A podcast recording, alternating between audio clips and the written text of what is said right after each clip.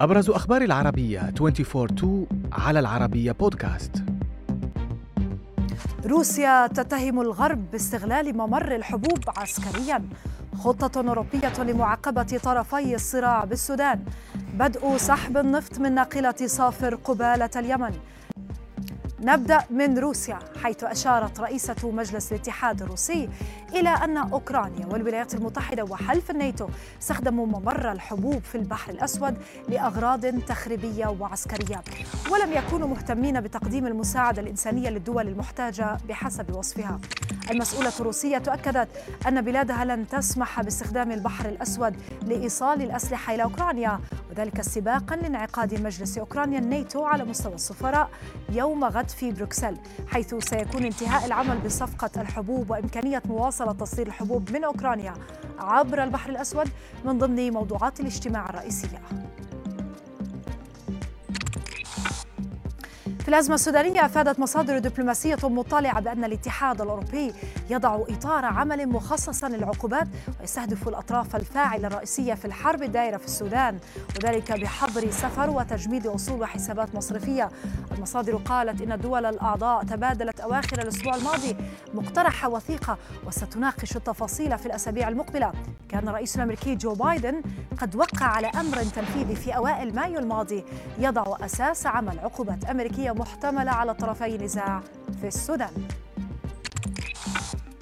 تجنبا لوقوع كارثة بيئية انطلقت عملية سحب حمولة ناقلة النفط صافر والمهجورة قبالة ميناء الحديدة اليمني في البحر الأحمر بحسب ما أفادت الأمم المتحدة.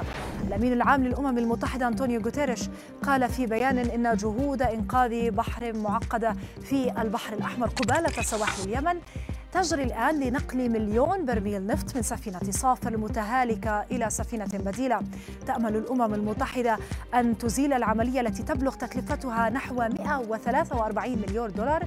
مخاطر وقوع كارثة بيئية نتيجة تسرب النفط من الناقلة التي لم تخضع لأي صيانة منذ عام 2015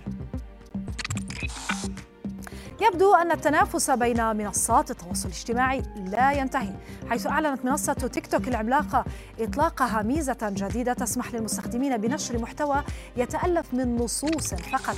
بعد أن كانت المنصة مقتصرة على نشر مقاطع الفيديو في خطوة من شأنها المنافسة بصورة مباشرة مع منصة تويتر.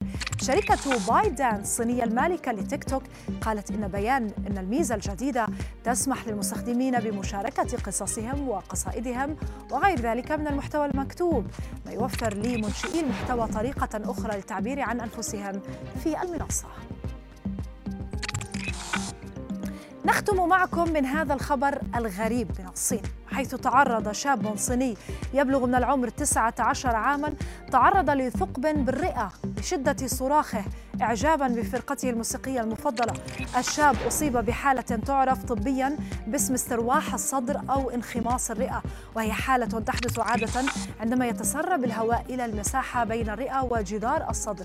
فوسائل إعلام صينية ذكرت أن الشاب كان يصرخ بحماس خلال أداء الفرقة عندما شعر فجأة بألم حاد في صدره وبدأ يعاني من صعوبة في التنفس ثم أغمي عليه.